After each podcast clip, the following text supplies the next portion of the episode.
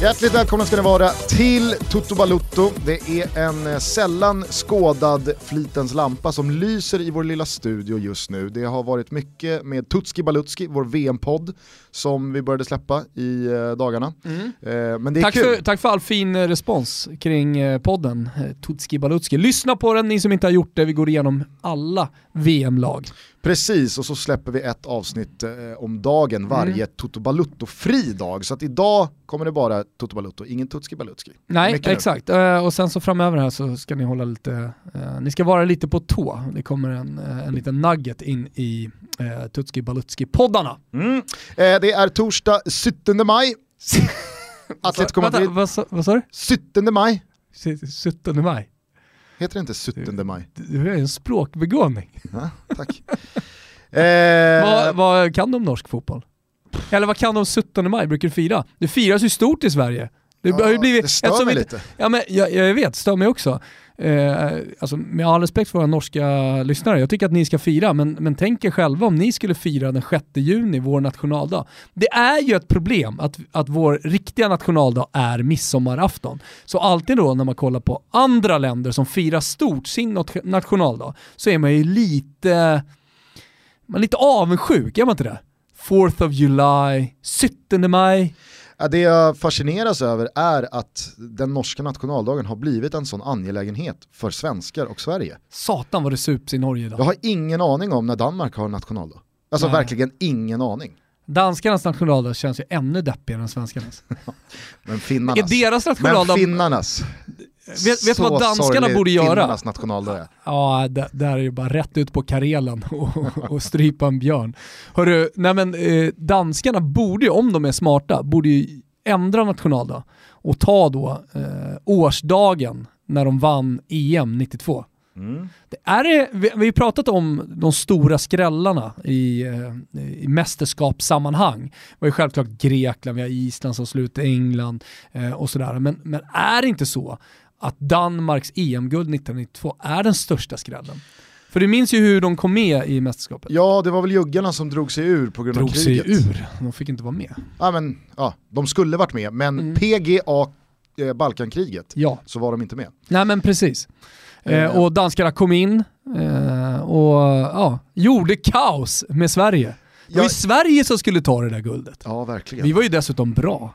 Det var Janne Erikssons Visst. stora stund. Visst, och det, var, och det var också inledningen på ett sätt. Det var en försmak där av vad vi sen skulle få uppleva VM 1994. Mm. Alltså om man, om man kollar tillbaka eller om man liksom minns 1992 så var det ju egentligen VM 90-laget som var det fantastiska. Alltså många spelare som stod i scenet av sina karriärer. Eh, då trodde man verkligen att Sverige skulle nå långt.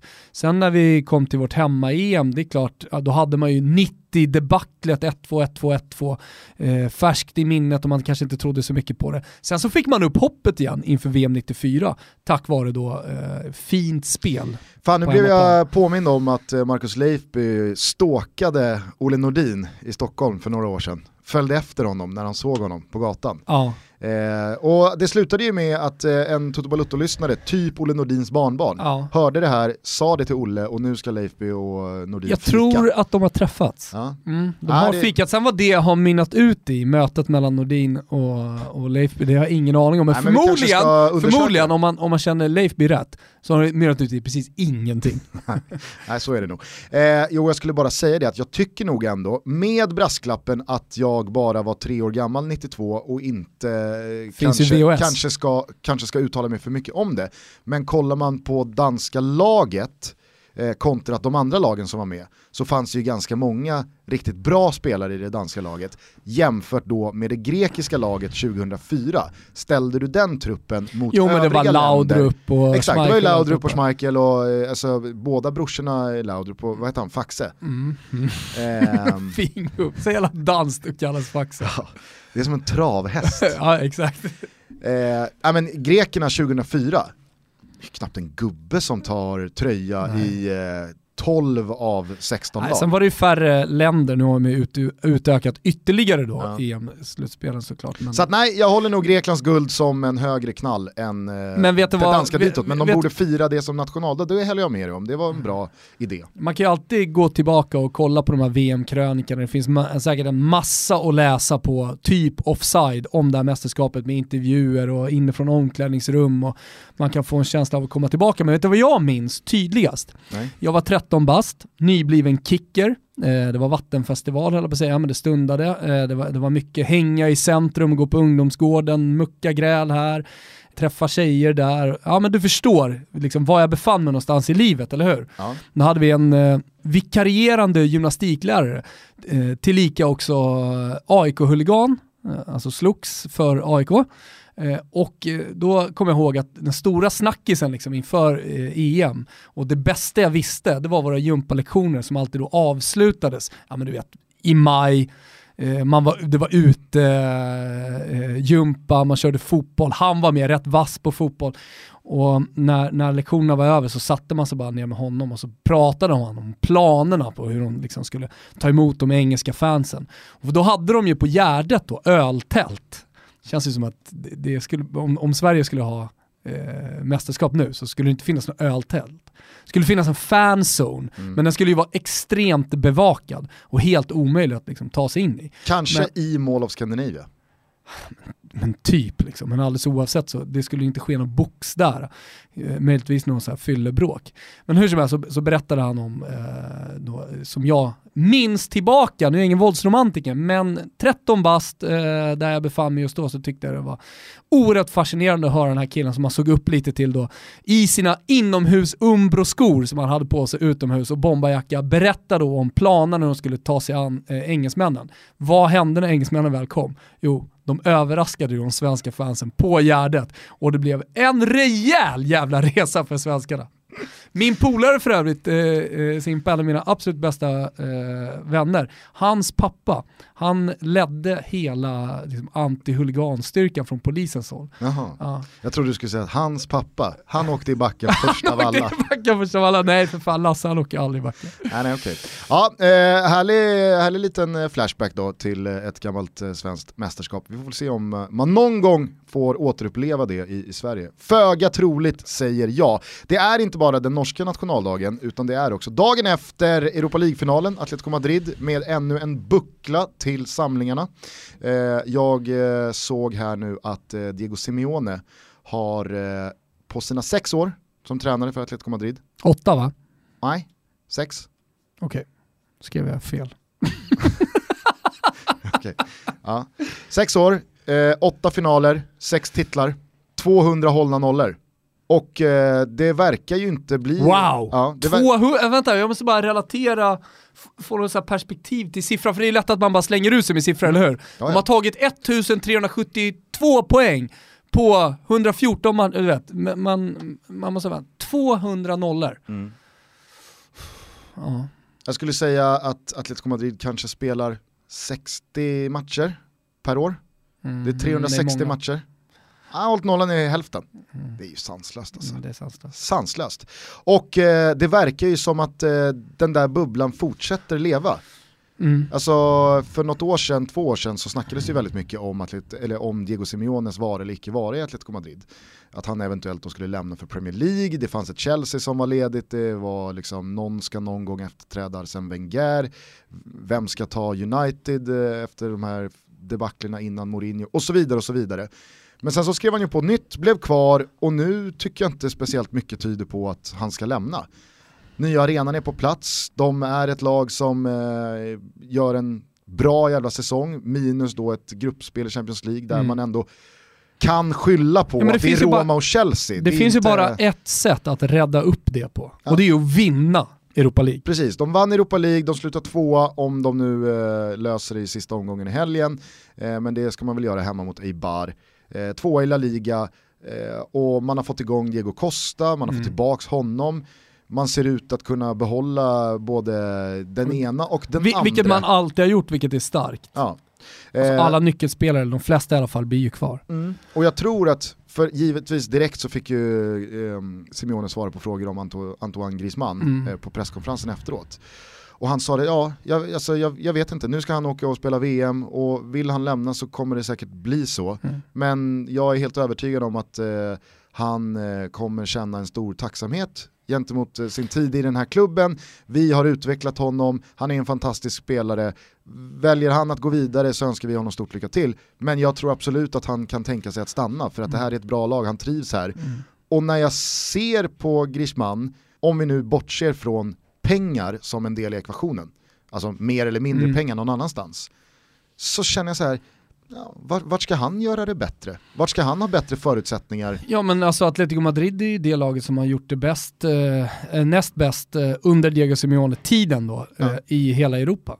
Ja, och jag tror att Antoine Griezmann inte Eller är de kan... tredje bäst? Ja men någonstans där. De är topp tre i Europa i alla fall om man kollar till, sett till resultat. Och Antoine Griezmann kan glömma att gå till ett lika bra eller bättre lag i Europa och vara den stora stjärnan. Mm. Där är det ju bara Atletico Madrid Mm. som funkar. Han kan inte gå till City och vara liksom the shit. Han kan inte gå till Bayern München och vara the shit. Kan inte gå till Juventus och vara Det beror the ju shit. på vad som händer med Lewandowski, han är ju sugen på att åka över till LA Ja. Eller med Real. frugan. Vet du. Eller Real. Ja vi får se, han kanske kör en sista vända då och byter men, men eh, känslan för mig är i alla fall att eh, Lewandowski börjar ha gjort sitt i Bayern. Sen har ju många pratat om eh, att eh, Griezmann ska hålla sig kvar inom Spanien och gå till Barca. Men ja, jag vet inte, jag ser inte det som speciellt troligt. Nej. Dels så Det, har, det är också, det är precis som med Diego Simeone, det har varit ex- extremt mycket rykten kring just Griezmann till Barca. Men, men eh, ja, det, beror, alltså, det är också svårt att sitta här i maj och spekulera för det är så mycket som kan hända. Eh, vi, vi pratade om det flera gånger, men det räcker med att en stor spelare går, sen är det igång. Och vi kommer säkert komma till samma situation som vi befann oss i för ett år sedan. Att en spelare, eh, en stor spelare lämnar en klubb och sen så blir det som en snöboll, det bara rullar på eh, och så slutar det med att Chelsea, eller någon annan klubb då kanske i år, eh, köper någon spelare alldeles för dyrt och eh, som är fel scoutad. Men du vet vilken Atletico Madrid-spelare som lämnade för Barca och inte flög speciellt högt? Ja, nej, Arda Turan. Jo, men han lämnade ju för Barca utan, alltså, med vedskapen om att han inte skulle spela. Men vet du vad min eh, superspaning är då från den här matchen? Europa League-finalen? jag är på Europa League-finalen. Ja. Någonting som jag gått och funderat på. Nej, Eh, det vet jag faktiskt inte. Nej, det, det är det inte. Men, men eh, det är någonting som jag funderat på hela våren. Det är att eh, om man kollar på de första 20 minuterna så är det väldigt mycket boll, väldigt mycket energi från Marseille. Och sen så i den eh, 30 minuten så är det Atletico Madrid som tar ledningen.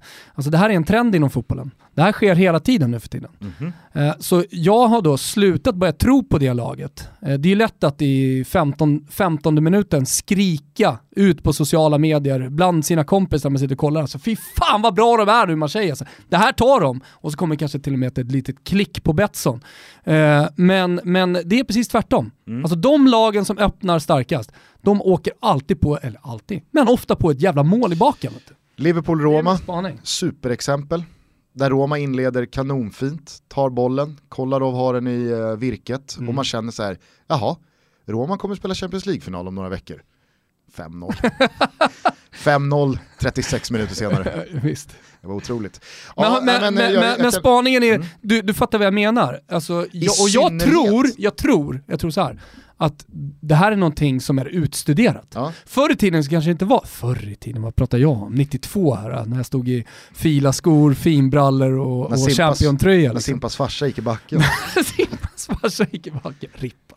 Ja. Eh, nej, eh, men, men att det är utstuderat. Ja. Att, att eh, Klopp och eh, Diego Simeone, alla de här sy- ja, nu är inte Klopp en cynisk tränare, men du förstår vad jag menar. Vet du vad jag skulle vilja Ta nyansera? det bara lugnt, Ja. tålamod. Vet du vad jag skulle vilja nyansera din mycket fina spaning med? Nej.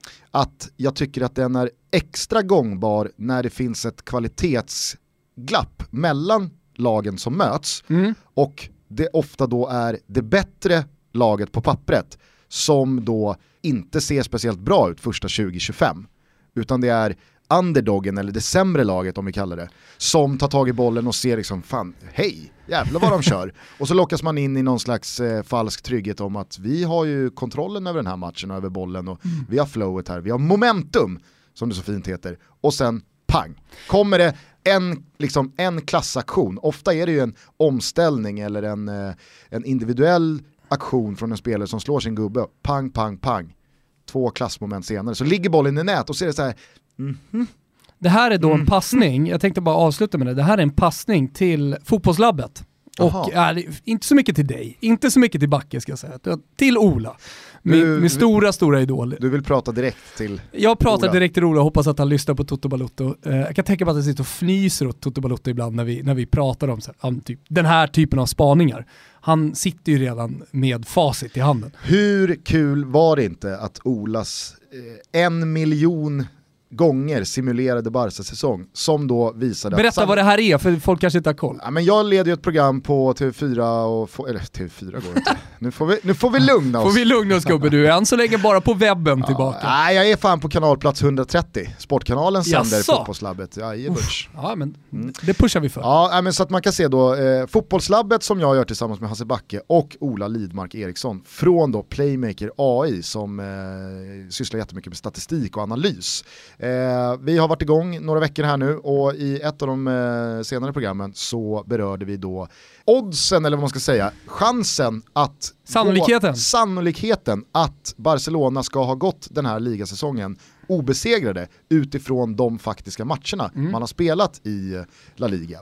Och då hade Ola då eh, i någon slags expected goals versus expected goals against Whatever. En, en sån ekvation. Han hade gjort den eh, korrekta analysen. Exakt. Fyra matcher skulle liksom Barcelona ha torskat den här säsongen. Men man har löst en vinst eller ett kryss ändå. Och sen så då simulerade han alla siffror i alla de här matcherna så att Barca spelade om den här säsongen. En miljon gånger. Det är så sjukt. Och bara 700 gånger så eh, gick Barca obesegrade. Och så det, 700 på en miljon? Exakt, en knapp promille. Är sannolikheten att Barca den här säsongen skulle då gå obesegrade. Och då sa han så här, ja, alltså Jävla om... Matematikkunskaper man briljerar med. 0,07. Jag tror till och med det är fel. 0,007 är det. ja det är ju det. Ja. Fan! Du kommer, all, alltså Ola kommer aldrig svara, svara på dina rop på hjälp. Hur som helst då så sa Ola att, ja alltså om vi ska tro liksom, statistiken och matematiken och sannolikhetsläran så kommer Barcelona förlora en match. Vad händer? Pang bom. Pang bom. Levante 5-4. Hur som helst så sträck ut en hand i alla fall, kolla på de första 25 minuterna. Är det kanske möjligtvis då eh, en trend vi ser inom fotbollen? Ja, kanske. Eh, jag vill bara, eh, utöver gratulationer till Atletico Madrid som jag tycker liksom har briljerat hela den här Europa League-våren och verkligen tagit den här turneringen på allvar. Nu har man ju, nu har man ju kunnat göra det i och med att det har setts ut som det har gjort i ligan. Det har varit lite för långt upp till Barca och lite för långt ner för att det ska vara svettigt om Champions League-platserna. Men jag tycker de har gjort en jävla fin Europa League-vår och jag tycker att Europa League har haft en fin vår som turnering och fick krönas då med en strålande insats. Men mm. jäklar vad man led ändå när tårarna kommer på Payet. Ja men det är alltid sådär, med, speciellt med ett VM som stundar, alltså, eller de där tårarna var ju VM-tårar. Han... Både och, tror du inte? Jo, jo, jo, jo. Alltså först så tänker jag nog bara på matchen, men sen så tror jag att det sköljer över honom att nu är nog VM kört också. Um, och jag menar så här, man ser det på Griezmann när han kommer fram. Jag menar, de ska ju träffas på måndag ja. och, och, och prata VM liksom. Exakt.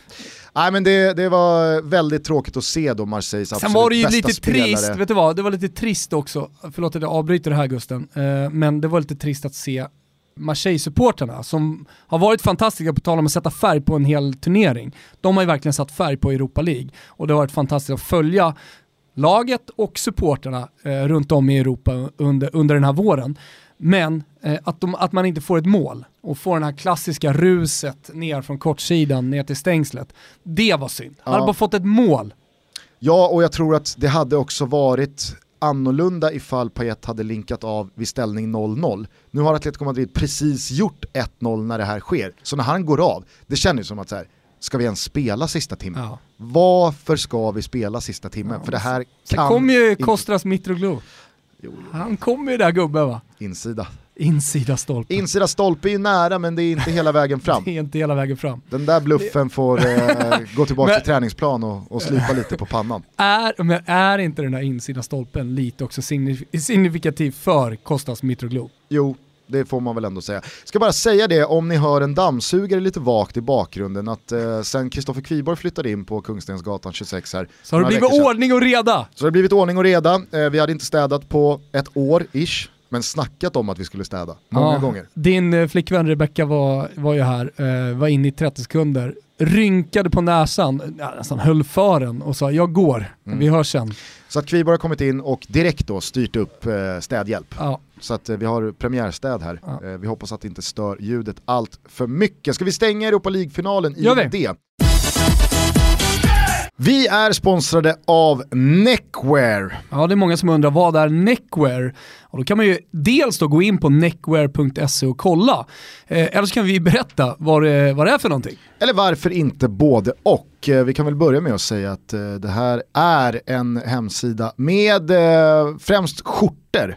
Ja men exakt, det är ju herrekipering va. Och de har nu inför den här stekheta sommaren, det börjat stekheta också, eh, väldigt, väldigt många snygga eh, skjortor från de eh, schysstaste skjorttillverkarna. Mm.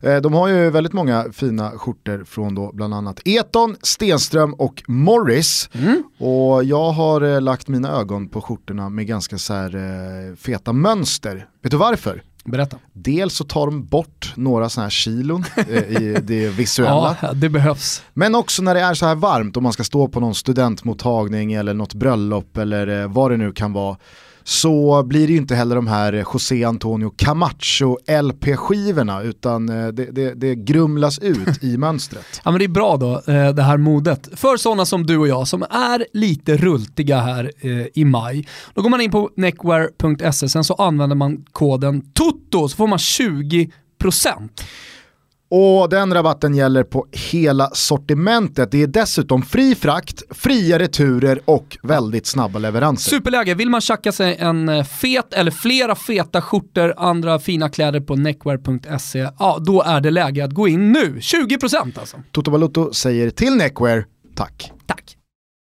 Vi är fortsatt sponsrade av Betsson och till helgen så är det tuttotripplar som vanligt, allsvenska matchbiljetter som kicker och ni hittar dem precis som vanligt också under godbitar och boostade odds. Insatsen är 148 kronor, skicka in grejerna i hashtaggen tuttotrippen och vi har roligt tillsammans i helgen. Hur låter din trippel? Ja, men jag ska dra den. Jag tänkte bara säga det, att man kan ju faktiskt gå in där under godbitar, boostade odds och eh, hitta våra VM-odds eh, också. Våra rublar. Våra rublar, eh, de ligger där. Det kan ju vara lite kul nu när man kommer in i VM-bubblan. Hur som helst, i helgen så finns det ganska mycket spännande tycker jag. En hel del motivation, en hel del låt oss säga case då. Eh, och jag har hittat tre stycken, börjar i Cagliari. Eh, jag tror att Atalanta känner att eh, den lilla promilles chans, om de nu skulle förlora, eh, att Fiorentina tar Europaplatsen, alltså det, det finns typ inte. Eh, känslan är också att Fiorentina har gett upp det där lite grann. Ja, nej men det gör att de kanske inte kommer vara sådär supermotiverade. Samtidigt då spelar Cagliari med kniv mot strupen. Jag har sagt det ett par gånger här nu Eh, i några veckor att jag tycker att Cagliari har varit på gång. Spelmässigt är de bra. Sen har de inte fått utdelning alltid. Nu lyckades ju min näst sista omgången slå Fiorentina på bortaplan. Helt rättvist tycker jag. Eh, och kommer ju såklart inte sumpa det här, så att, så att de går ju för segern. Men det räcker alltså med att spela etta kryss eh, för att få ett hyfsat odds. Så etta kryss är med eh, på Cagliari. Sen har vi just den matchen då, Milan-Fiorentina. Eh, det är lite kört, eh, Milan känner sig rätt nöjda. Eh, så jag, jag, tror väldigt starkt på ett lite så här vänskapskryss i det mötet. Eh, men eh, jag spelar hur som helst eh, oddsmässigt på kryss 2 för att om det är något lag som kommer gå för det här så tror jag att det är Fiorentina oavsett vad Gattuso säger. Men som sagt, de som vill vara lite järva och köra ett singelspel i helgen också kan, kan ju faktiskt gå på krysset här. Mm. Och sen så slutligen Spal etta. Bra hemmaplan, ni vet om det, eh, ni har sett dem i år där, spelar också för sin överlevnad mot ett avsågat Samp utan motivation. Bra odds, eh, trots att det är den här eh, eh motivationsfaktorn då på, på Spal. Eh, så etta på, på dem. Hur går det för, eh, vad heter finnen som lämnar Gnaget och gick till Spal? Eh, Väsinen, Väsinen. Ja, Sauli. Sauli. Eh, han inledde väl helt okej? Okay, ja, han inledde med att få starta, ja, så ska jag inte säga att han, sen vart det någon skada men nej, det går sådär. Vad har hänt med Paconate då? Ja, där har det varit uh, helt tyst. Ja, honom har jag inte sett det tror att det var någon skada uh, på honom också. Ja, härligt. Min trippel ska jag försöka hålla lite kortare då. Jag tror att uh, Betis åker och slår Leganes. Leganes har ingenting att spela för medan eh, Betis har allt att spela för och de går tillsammans med Villarreal en riktigt tuff kamp om eh, Europa League-platser. Så eh, jag tror att Betis bara vinner borta mot Leganes och i Stockholmsderbyt mellan Bayern och AIK så spelar jag kryss. Asså, det här är en vänskapskryss match. där också eller? Absolut inget vänskapskryss, men jag eh, tycker att de här lagen är ganska så jämbördiga. Och jag tror att eh, står det lika på resultattavlan, om det så är 0-0 eller 1-1, när det är en timme på klockan, så tror jag att båda lagen är ganska nöjda med att inte förlora. Okay. Bayern eh, håller distansen till AIK och AIK släpper inte iväg Bayern eh, mer poäng än eh, vad man ligger bakom dem nu. Vi avslutar min trippel i Rom på söndagskvällen när det är helgens match, måste man ju säga.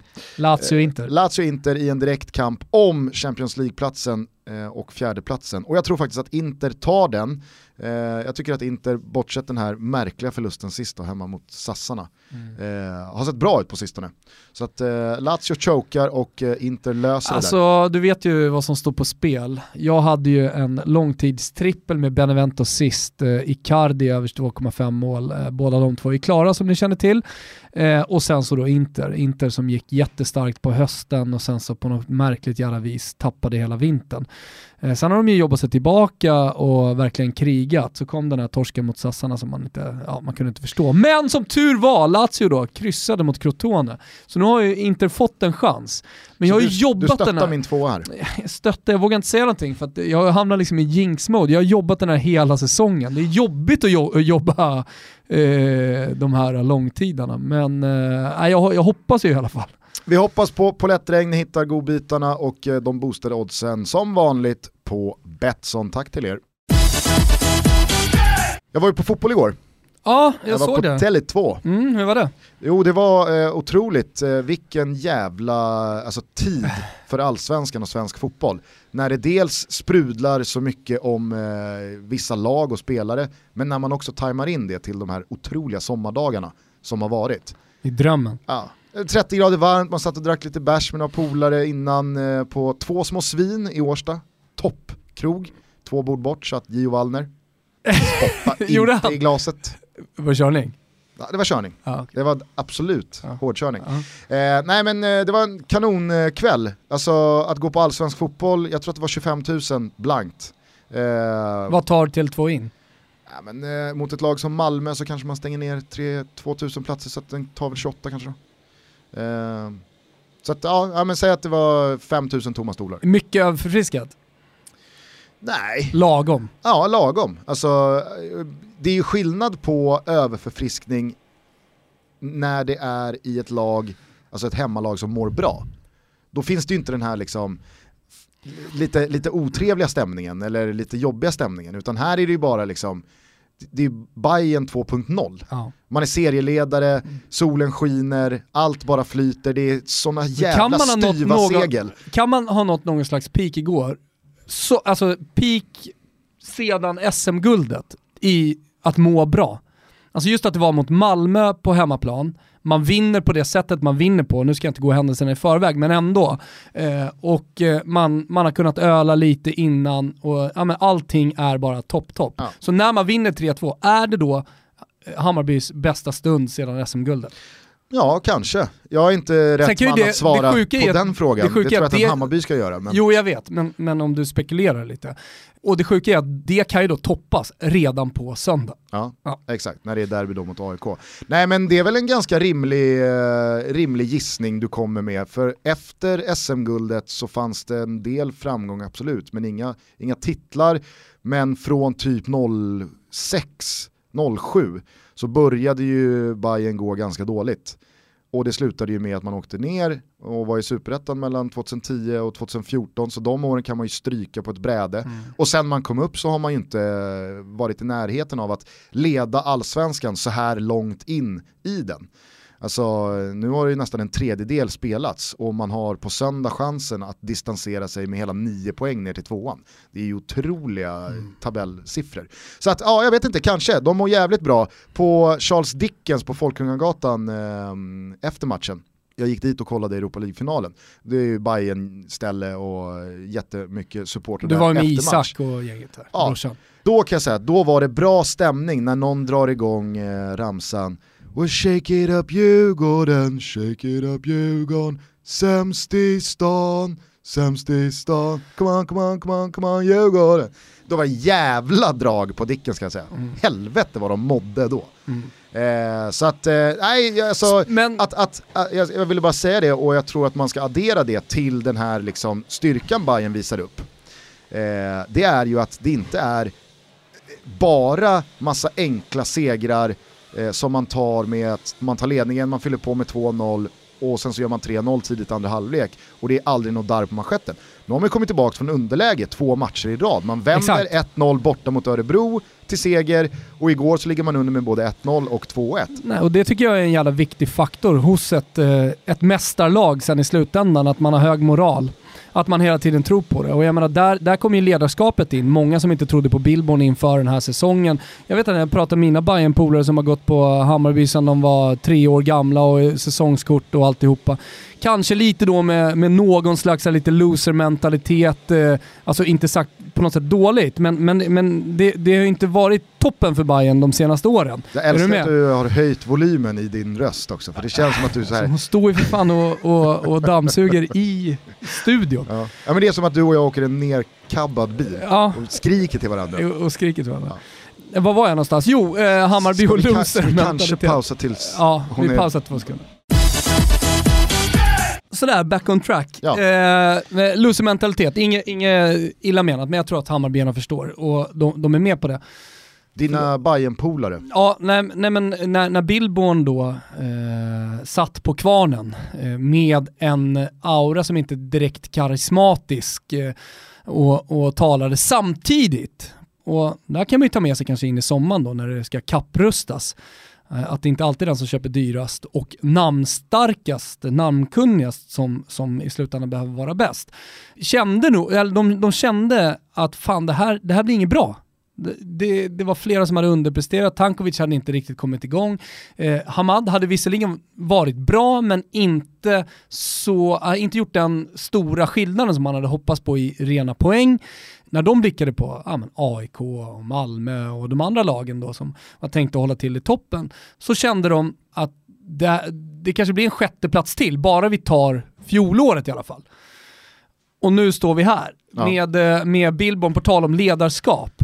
Där, där har ju alla haft fel och jag tror också att många med insyn, många som känner till Billborn sedan tidigare, har blivit motbevisade. Eh, det kändes för min del i alla fall som att det här skulle bli en mellansäsong för, för Hammarby och att de sedermera, man, är ju redan, man hade ju redan i vintras börjat spekulera när Billborn tillträdde om vem som egentligen då eh, skulle leda Bayern i, i framtiden och, och göra då någonting stort. Ja, Håll med om, för jag, jag, jag tror, du får rätta mig om jag har fel Gusten, att du också var lite Billborn-skeptiker. Nej, jag var skeptisk till eh, hur allting blev med Mikkelsen, Jesper Jansson. Jag var ju lite brydd över eh, vdn och styrelsens agerande i det här. Att, men vad fan, hur kan man sätta klubben i den här situationen igen? Och när det är ni som har valt att plocka in alltså, de här namnen. Eh, Nej men jag vet men- att eh, men, eh, 352 eh, diskuterade det här jättemycket och många i den ligan och många andra uppburna svenska journalister och krönikörer som följer allsvenskan som väldigt kritiska och, och pratar om att Jesper Jansson sedan han kom in eh, bara liksom har velat få sin vilja fram. Det är han som styr med järnhand och, och, och antytt i alla fall att det inte är bra för Bayern. Eh, ja, men jag vet att det är många som har jobbat med sponsring eh, inom Hammarby och tyckte de senaste åren att de har varit lite som en kvartersklubb. Det har varit ett kansli som rattar saker och ting. Inte så professionellt som kanske i andra eh, allsvenska klubbar, när de då har jämfört. Och känslan var när Jesper Jansson kom in, att det blev mer en professionell fotbollsklubb. Alltså om man kollar på hur supporterna eh, är, topp i Sverige, 25 000 på varje match. Bayern förtjänar en mer professionell miljö, alltså en mer professionell styrning. Eh, då tyckte jag, av vad jag hade hört från Jesper, eh, liksom, om Jesper Jansson, att här är de på väg åt rätt håll i alla fall. Mm. Nej, men det, jag var, alltså, det jag var skeptisk med kring, kring Stefan, det var ju att han själv aldrig har haft ambitionen att stå längst fram och stå i strålkastarljuset och pratat öppet Jo om men att samtidigt jag tog ser han ju inte- beslutet. Ja, självklart, men han har ju själv varit öppen med att jag, ser, jag har inte sett mig som en huvudtränare och jag har inga liksom, eh, ambitioner att vara huvudtränare. Han kändes lite ambitionslös. Ja, och det kändes ju som att så här, okej, eh, när en sån tränare då ändå blir huvudtränare så var ju känslan att är det här Jesper Janssons eh, liksom marionett? För att Fan, kan... fan vad det används alldeles för ofta, inte bara inom allsvenskan och svensk fotboll. Eh, det har ju varit snack om det länge i Malmö till exempel, att eh, MP då som kom in bara var en marionett till Daniel Andersson som går tränarutbildningen som sedermera ska ta över. Eh, det kommer alltid upp det här marionettsnacket, jag köper inte det. För att man, det, det är inte 100% åt ett håll, det är inte svart eller vitt fotboll, det finns säkerligen eh, eller garanterat nyanser då där en sportchef bestämmer mer eller mindre. Kolla på Östersund, jag är helt säker på att eh, Kindberg har varit inne och tyckt till och haft en del makt även vad det gäller att ta ut startelver. Är du- med? Ja, ja. Eh, och och det, det är klart, men, men att som man har liksom pratat om Jesper Jansson och Daniel Andersson, säkert fler, så har det varit de som bestämmer allt. Ja, nej, alltså, jag menar inte att jag tror att det har varit så. Det finns inga marionetter i, i svensk fotboll i alla fall. Någon finns det. Någon finns det fan. Ja, det vet du vad det skulle vara? Karl Berg. Här är ju Lelle Sandahl. Det är han som bestämmer allt. Kalle. Karlsson har ingenting att säga till. Det är Lelle som gör allt. Grattis eh, till eh, Karlberg som slog ut Vasalund i Jag Svenska förstår inte grejen med det. Det var så, så, sånt bass och, jag vet att Björn Jonsson skrev i en WhatsApp-grupp som du och jag har, eh, som vi är med i tillsammans, att fan vad häftigt med Karlberg. Jag tänkte, ah, de har ju slagit ut något stort där, vad är, vad är det som händer? Kom, eh, ytterligare något, alltså, jävla ballt med, med Karlberg. Vad vad har hänt? De slog Vasalund. Jaha, är de serien över då? För jag har inte riktigt så superkoll på vad som har hänt Karlberg. Efter kvalet som eh, Broa Pishdaria eh, mot Luleå kommenterade, Kvalvakan. kvalvakan. Eh, nej, men fick ju bara den. Nej de, nej, de ligger i samma serie. Men det är ballt. Jaha. Nej, det är kul. Ja. Kul för Karlberg. Lycka till i, i nästa vända av kuppen. Eh, tillbaka bara till det här spåret med Billborn och Jesper Jansson och marionett eller inte. Jag tror inte heller att Billborn eh, är någon slags eh, förlängd arm från Jesper Jansson, att det är han som drar i alla trådar. Självklart inte, men jag säger bara att det var ju känslan om man ställde situationen mot Mikkelsen och den mer eller mindre typ öppna konflikt som var de två emellan. Den är Eh, väl bekräftad också. Ja, Ja men eh, det har ju blivit superbra för Bayern och jag tror att Billborn i ett ganska prestigelöst ledarskap har mått jättebra av att få in en Jocke Björklund. Med all sin erfarenhet från högsta nivå. Eh, det är någon som, eh, nu har han väl tonat ner det ganska mycket själv, jag lyssnade på honom hos Lund här för några dagar sedan, att ja men visst, jag är en gammal mittback och, och eh, är väl bättre på försvarsspel än vad jag är på att lära folk att utmana en mot en, men det här snacket om att han är eh, defensiva tränaren, han jobbar bara försvarsspel, är ju såklart en sanning med modifikation. Men jag tror att den där mixen, Jocke Björklund, Stefan Billborn, Pablo Pinones Arce som finns där som någon slags, Ja, vad gör han? kan han vara en glädjespridare? Jag, jag, jag har ingen aning. Jag mötte han- hans kusiner förra året. Han verkar ju i alla fall vara, han verkar i alla fall vara väldigt uppskattad av spelargruppen och i och, med att han, ha- i och med att han har så många säsonger själv som spelare innanför västen i Bayern så tror jag att också det blir en väldigt bra brygga. Och sen med mellan- Jesper Jansson med ett tydligt ledarskap där också. Exakt, och jag menar både eh, Jocke Björklund inte minst då, men Billborn är ju också ganska orutinerad eh, från att ha huvudtränaruppgifter i stora, stora inte- klubbar med seniorlagen. Alltså, eh, Stefan Billborn är ju en av de absolut bästa talangutvecklarna och eh, liksom, eh, ungdomstränare Sverige har fått fram. Oj, är det skulle, så- så bra alltså? är alltså otrolig. Oh. Fråga alla som har gått och kommit fram i min generation, alltså vi pratar Albin Ekdal, Vad är hemligheten eh, då? Gudetti, eh, Jakob Une Larsson, Beijmo. Ja, men du alltså, kan ju rabbla hur många som helst. Precis. Alltså Billborn är... eh, Vad är det alla- han gör då? Jag, jag tackade ju nej till BP när de lockade med sjuan. När de lockade med, sju, när de lo- lockade med sjuan och Albins plats i laget, då sa jag nej tack. I'm gonna take my business elsewhere. Och så körde jag Spånga IS. Så jag vet inte, jag har aldrig haft Stefan. Jag, Men, men, vet du vad han men känns? Hans all- lågmälda profil Ja, känns jävligt mycket Bayern. Tycker du? Ja, jag tycker det. Vad fan, Eh, han vad- sätt- Lågmält är väl inte direkt adjektivet man tänker på först när man Fast, fast tänker på här, Bayern. nej, nej, men äh, det, det finns fortfarande pondus, men den är inte så skrikig, den är inte så kaxig. Jag tycker inte att Bayern eh, utstrålar kaxighet och, och liksom, eh, skrikighet, utan Bayern för mig, det är söderslang, det är ta en bärs innan matchen, det är den där typen av ramser, det är fem raka, kaffekaka. Det liksom är Bayern och han, han känns väldigt mycket fem raka, kaffekaka. Tycker du? Ja, det tycker jag verkligen. Ja, jag vet inte. Sen Jag- har han ju vuxit i, eh, låt oss säga intervjukostymen också. Eh, alltså i, i, i, I början var det nästan smärtsamt att se Billborn i intervjusituationerna. Nu, nu tar han ju dem med, med den äran. Ja, jag sa ju det till Lund när han gästade oss här Ja. inför allsvenska premiären, att noterade du samma sak som jag kring Billborn på upptaktsträffen? Att han har liksom på ganska kort tid blivit mycket mer eh, liksom laid back och skojar till det och tar ordet och går in och liksom med lite bakåtlutad pondus liksom några, här, segrar, några segrar eh, och ny kostym från Dressman kan göra mycket. Jo men i det här läget hade Bayern åkt ur kuppen i gruppspelet och inte börjat Känns allsvenskan. ju jävligt mycket, vet vet du vad han känns? Billborn. Väldigt mycket brothers. Där, däremot, där är du däremot helt rätt på det. Den delar vi, den, den känslan delar vi. Nej, men vi pratade om Atletico Madrid och 200 nollor, hur mycket är det? Jag vet, alltså, så här, det blir svårt att tänka in sig beroende på hur, under hur lång tid det har skett och så vidare. Och så vidare. Om jag bara drar till med någonting så, eh, eh, man brukar säga att lägger man 10 000 timmar på någonting så blir man riktigt bra. Jag skulle vilja säga att Stefan Billborn har 100 000 timmar i bagaget på Också en siffra som jag inte kan relatera Nej, men jag säger bara att om Överhuvudtaget. 10 000 Det timmar, säger mig ingenting, 100 000. om, om 10 000 timmar är sägningen kring att börja första sekunden, avsluta efter 10 000 timmar. Hur långt är ett liv? Det, det är väl jävligt olika. Ja det är ju olika. Fråga. Simpas farsa bara. Usch, gick fort den där dagen på, på Gärdet. Smack sa det bara. Sen Ja. var det klart. Eh, nej men jag tror att Stefan Billborns antal träningstimmar med fotbollsspelare i Jag tror min, åldern... gymna- min, eh, min högstadie gymnas, eh, åkte in i ett flipperspel. Tror. Mm. Tror så hans dag slutade där. De hade lyft ut ett flipperspel. Ja, de hade i, ja precis, Okej. i tältet så hade de flipperspel. Ja, ja, så det kan gå. Eh, jag skulle vilja påstå att Stefan Billborn har nog fan 100 000 timmar på en fotbollsplan tränandes killar som är mellan 14 och 17 år.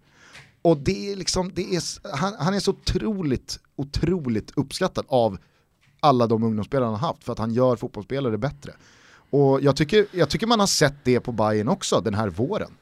Han har ju, liksom, du brukar ju prata om att en tränares kanske bästa egenskap är att få ut max av sina spelare. Absolut.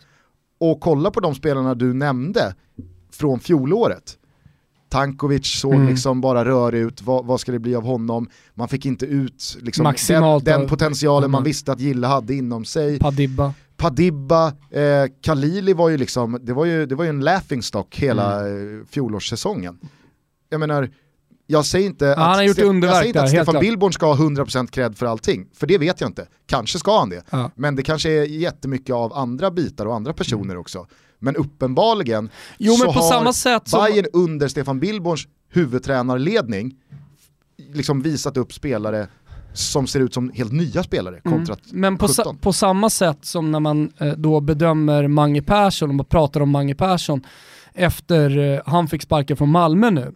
Och eh, eh, som Marcus Rosenberg säger att ja, men det är jättetråkigt här, fan schnitzel till Rosenberg för hans uttalande om Mange Persson. Här finns en människa bakom, två barn, flyttar hit eh, och sen så tar det slut så här snabbt. Det är, det är jättemycket vi spelares fel också. Men, säger han, eh, jag förstår ju också att det, det, är liksom, det finns en ansvarig och det är det huvudet som rullar först. Men precis liksom i, i en motsatt situation som nu för Hammarby så ska man ge den största credden till tränaren då.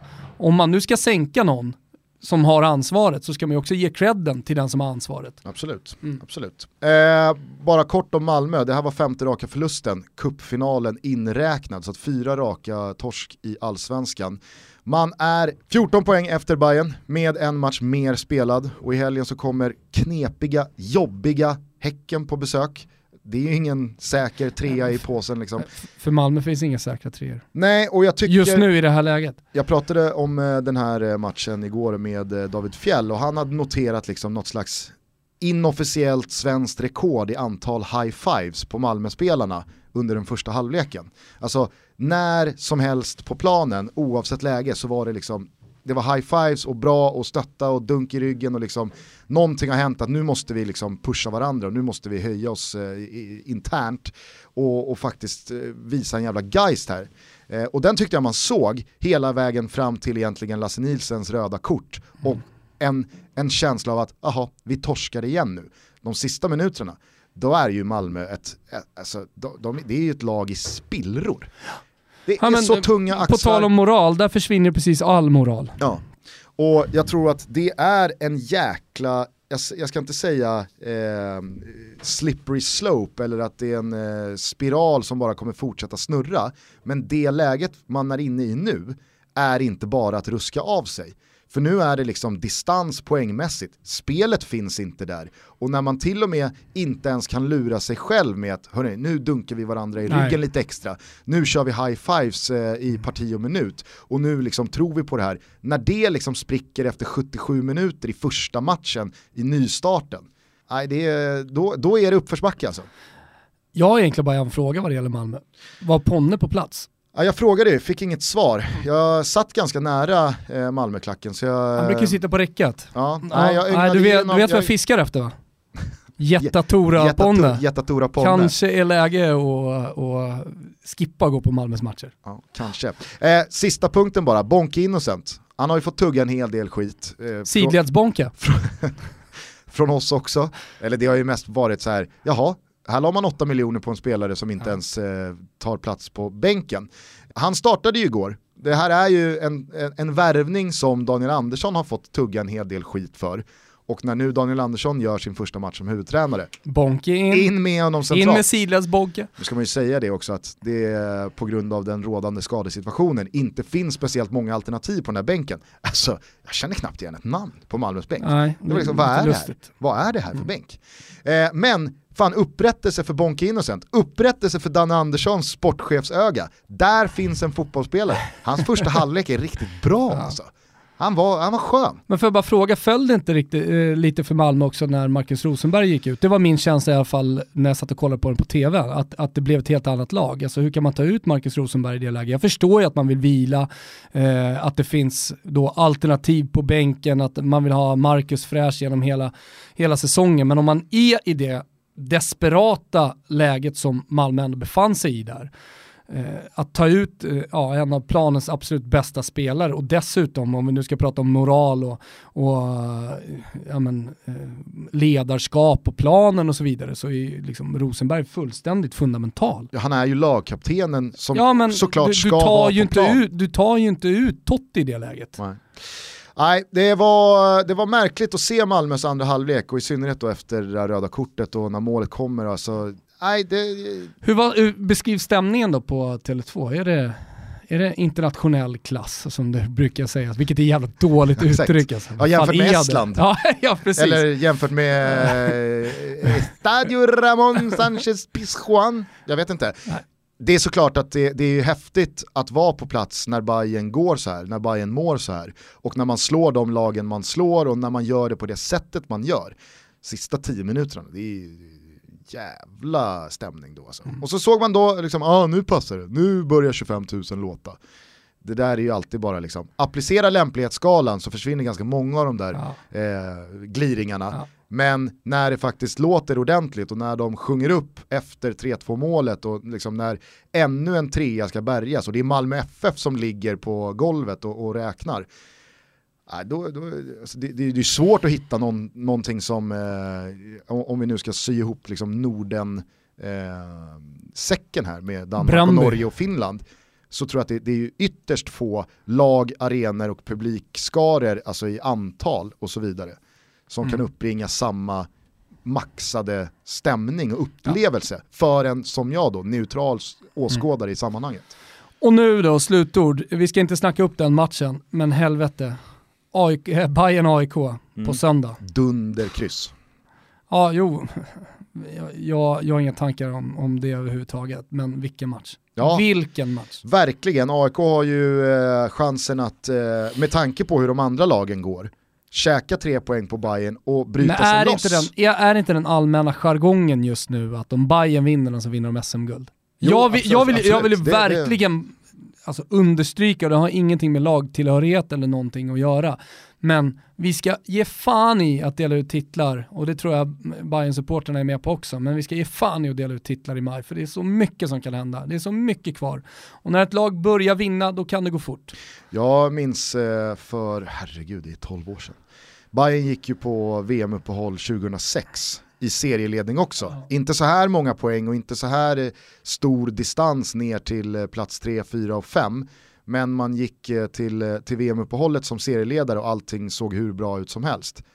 Det där guldet var inte speciellt nära i slutändan. Så att det är såklart att det är två tredjedelar kvar av den här allsvenskan. Men utgångsläget man kan skaffa sig i och med en seger Ja, nej. mot AIK, det är ju, du sa det innan, jag vet inte om det stämmer eller om du som alltid skjuter från höften och jag som alltid bara litar på att så är det. Att vinner man eh, den tionde matchen här nu så har man 28 poäng av 30 möjliga eh, och det bör vara den bästa starten i allsvenskan sen den utformades så här. Ja, jag såg det twittrades om det igår, jag vet inte exakt vad som stod om det redan var det nu eller om det är det då, men, men, men eh, skitsamma. Alltså, även om det finns en match eh, 1981, eh, eller en inledning på en allsvenska från 1981 som, som har varit bättre av något lag så, så är det i alla fall i modern tid den, den bästa inledningen som, som ett lag någonsin har fått. Och det, det, jag menar, ska man gå på Ola-spåret och fotbollslabbet och börja kolla på siffror så här i, internationellt, alltså om man gör den här starten, vad händer då? Så tror jag att man hittar ganska många seriesegrar i slutändan. Ja, det så det, det, är klart, det, det är klart att de, de, de seglar upp liksom som, som hyperfavoriter då. Ja, grattis till guldet då Bayern. Hörni, ni laddar såklart upp för fotbolls-VM allra bäst genom att lyssna på alla våra avsnitt av Tutski Balutski som vi gör tillsammans med Kristoffer Svanemar. Men vi kan såklart inte lämna Jannes trupputtagning därhän bara för att vi nu sitter i Toto Balutto. Absolut inte. Vad eh, kände du eh, i eh, tisdags Märkligt. kväll vid 18.30, Ja. 19.00 när truppen togs ut? Ja, märkligt hela upplägget kan jag tycka. Och nu pratar jag inte om spelarna som togs ut, utan att det var en panel då som diskuterade tillsammans med Janne de, de, de olika namnen som rabblades upp.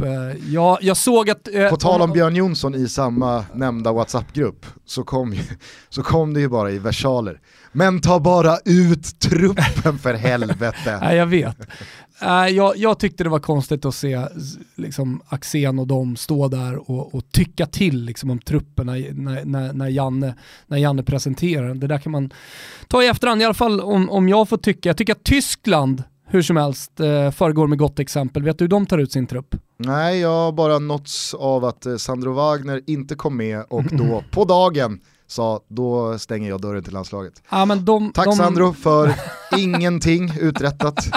Det var ju som när Marcus Lantz stängde dörren till svenska landslaget. Ah, Ah, ja, fa fan segt. Synd Lantz. Synd att vi inte får uh, liksom, se mer av dig i blågult. Ja, när, när Sengin tog tillfället i akt där, när Zlatan slutade och också tog, tog avsked. Mm. Eh, det var inte så jättemånga som tänkte på Sengin i, i det läget, Nej. eftersom han förmodligen inte hade varit aktuellt. Men eh, jag såg eh, Tyskland som sagt, innan, innan jag nämner hur Tyskland gjorde så, så, så eh, hade England även eh, en, en jävla fin video då som man la ut med eh, vanliga människor Uff. som då skriker ut namn. Men den var jävligt snyggt gjord och den var genuint gjord. Det kan ju bli fel när man producerar en sån video. Ja, men. Ta City till exempel. Den blir för överproducerad, den känns falsk och ogenuin. När England presenterade sin trupp via den här videon så var den genuin. Uh, och så, så schnitzel till dem, men stora schnitzeln får ju såklart Tyskland som bara tar en megavägg där man placerar ut mega Panini-bilder på den tyska truppen. Ah, det var ju snyggt. Det är jävligt snyggt. Ja.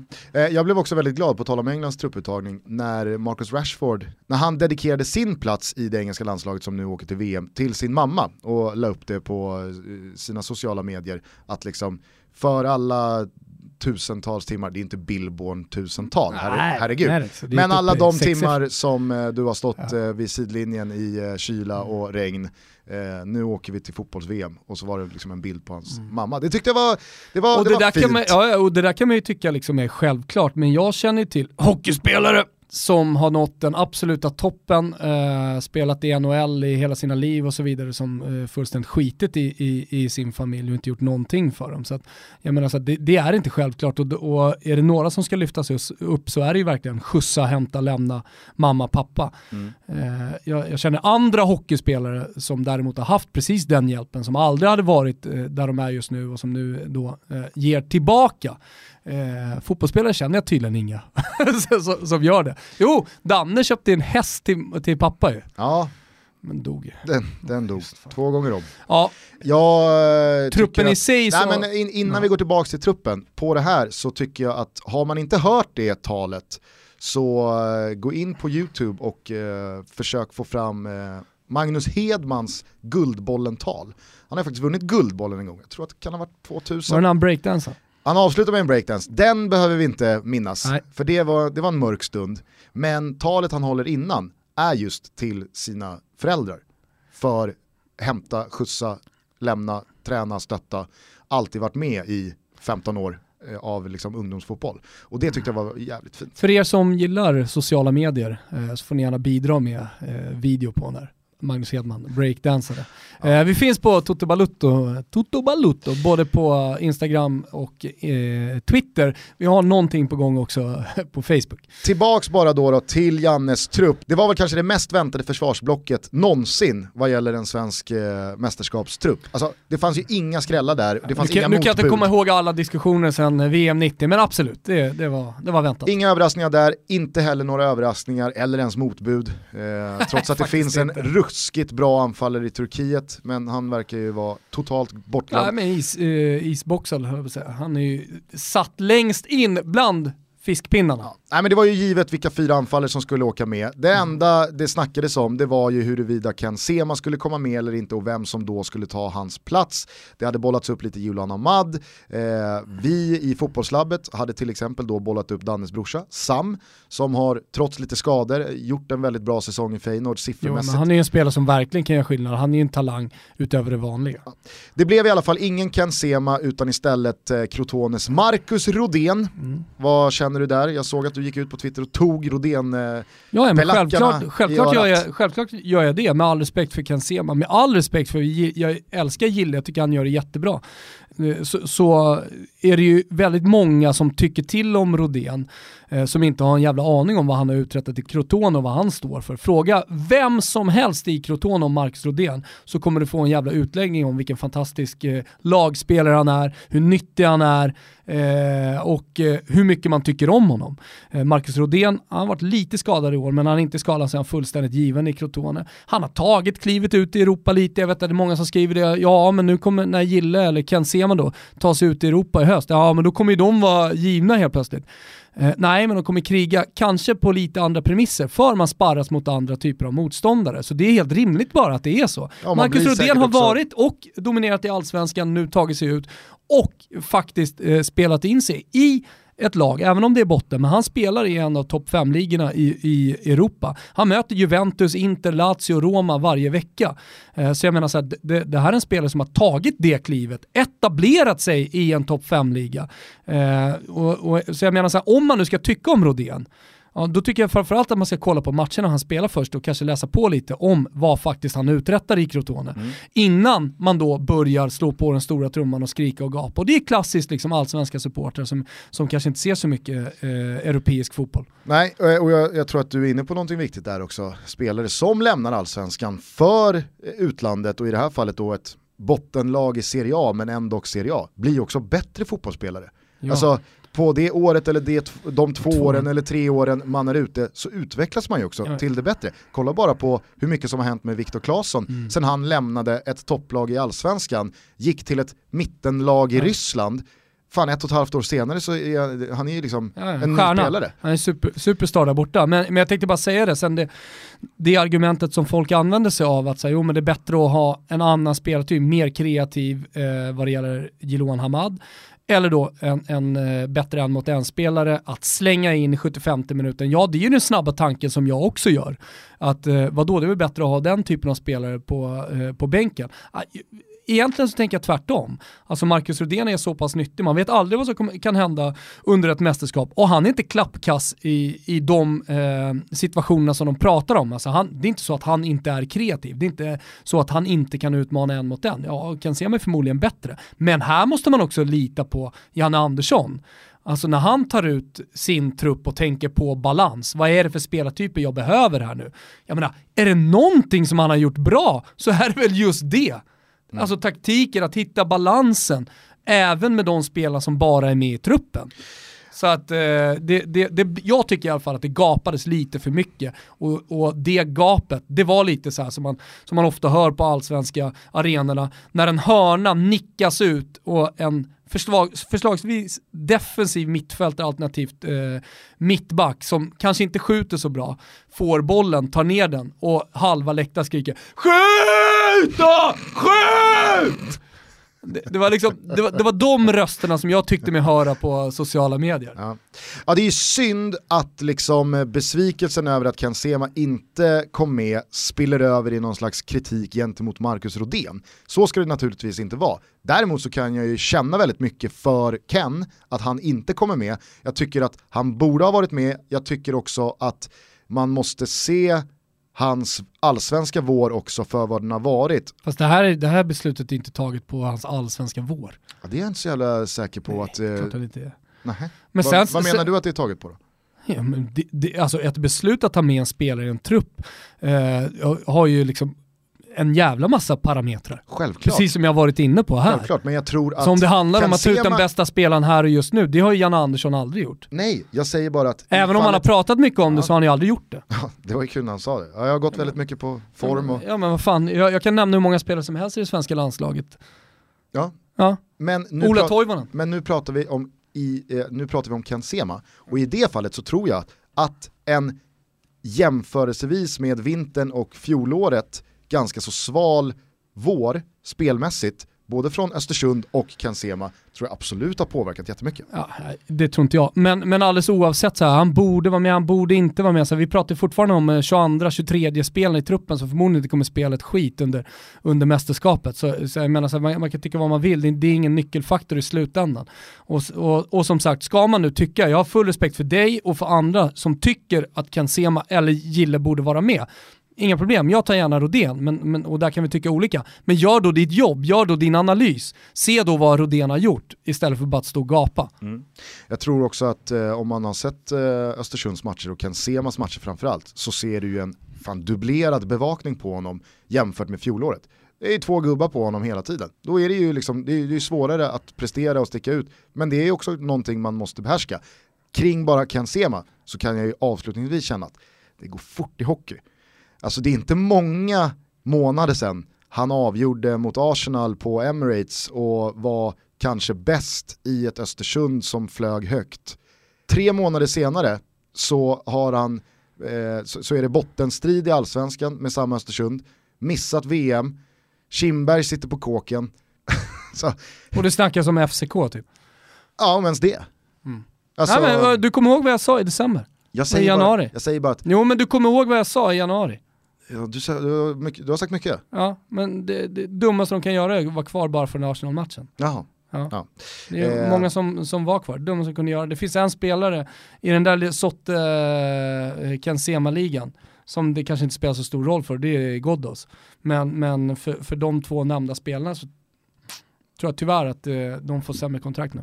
Ja det är jag ganska så mm. säker på. Hörni, vi ska börja stänga ner eh, butiken för den här Toto Balutto-gången. Ta chansen i helgen att eh, skåda Gigi Buffon för sista gången som Juventus-målvakt. Mm, det gör vi, sen så tar vi honom på måndag. Han har sagt i alla fall att han kommer fatta ett beslut om sin framtid eh, nästa vecka. Mm. Allting tyder på att han kommer spela vidare på den absolut högsta europeiska nivån. Det är i alla fall eh, det man har eh, tagit till sig från rapporterna i Italien, också hans presskonferens som han höll. Och om det nu blir så, så kommer det nog bankas ut en jävla kalvschnitzel till eh, Gigi nästa vecka. Hörni, fortsätt eh, höra av er, fortsätt sprida vårt gospel, fortsätt för guds skull också lyssna på Tutski Balutski, nytt avsnitt imorgon fredag, då blir det Senegal och Nigeria. Så jävla mysigt. Ja, det ska bli fint. Och sen så rullar det på hela nästa vecka igen då och så kommer vi bara närmre och närmre detta fantastiska VM-slutspel i Ryssland. Ja, på totobalotto.se så hittar ni länk till biljetter. Eh, vi har ett eh, evenemang på Kung Karl, det kommer vara det bästa VM-hänget som ni bara kan tänka. Vi kommer ha fantastiskt kul. Gå in där och boka en biljett så att vi kan hänga tillsammans med er. Nu säger vi ciao tutti. Vi säger ciao tutti. ¡Ale!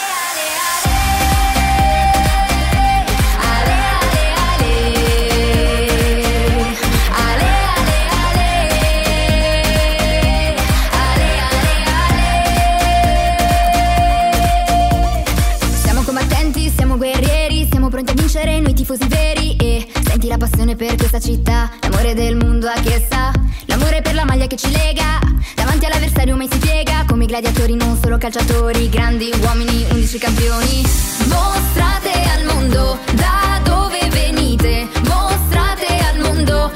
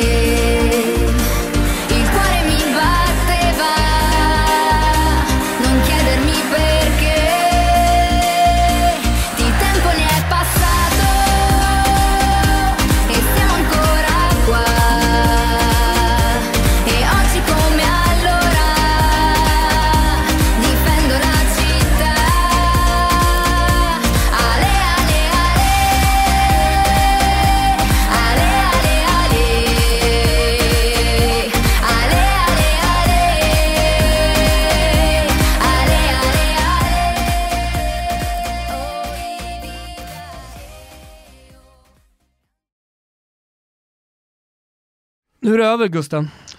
Ja, det har inte gått att missa att Mimmo lämnar Zenit. Nej, och jag tänker, jag tänker kring den här flytten, eh, han går ju tillbaka till Genoa, jag tänker på den på två sätt. Det ena är ju att nu blir han bara en i mängden av lökiga italienare som håller på och lägger ut ma- massa skit.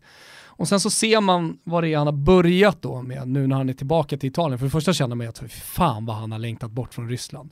Nu ger han dem visserligen lite kärlek och sådär, men satan vad han har längtat hem till Italien. Eh, han har fan krigat där, det ska han ha cred för ändå, eh, den, den gode Crescito. Men, men, men så ser man de bilderna som han lägger upp på Genoa liksom, när, när han är tillbaka där. Alltså han sticker ut alltså. Han är fan unik på att lägga upp skitbilder. När han ska till och med ska tacka fansen, hitta någon sån här publikbild, det är bara rörigt. Ja. Ja, det, är, det är så uselt.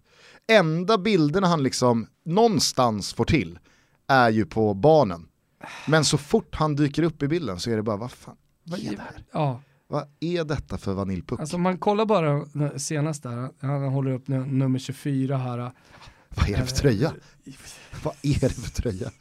Ser ut att vara i storlek XXL. Ja, man har köpt på någon flea market. Liksom. 7, 7 juni 2003, han har hittat den. Men eh, han har lagt upp en bild på sig själv för ett litet tag sedan. Nu har lagt upp sju bilder. Mm. Och det är de sju olika säsongerna då. då. Och de, sju olika ansiktsuttryck på Mimo Crescito här. Ja. Det är vanilj i kvadrat. Han har ju återigen då, om du ser, eh, lagt upp en bild, alltså han har fotat från distans, inzoomat storbildsskärmen. så det är liksom en usel upplösning på bilden. Och så vet man ju att i de där ögonen finns ju inte en enda tår. Nej. Men han vill få det att se ut som att du, nu är det jobbigt, mm. nu gråter jag, tack för allt Sankt Petersburg. Ja, men... Egentligen står han ju bara och tänker på Forte Villa. For, Forte Village. Forte Village. eh, ja men kanske blir det här då någon slags nystart på Crescito-segmentet. Vi får väl se. Vi, vi har varit trötta på honom på ett tag. Hörni, skit på er.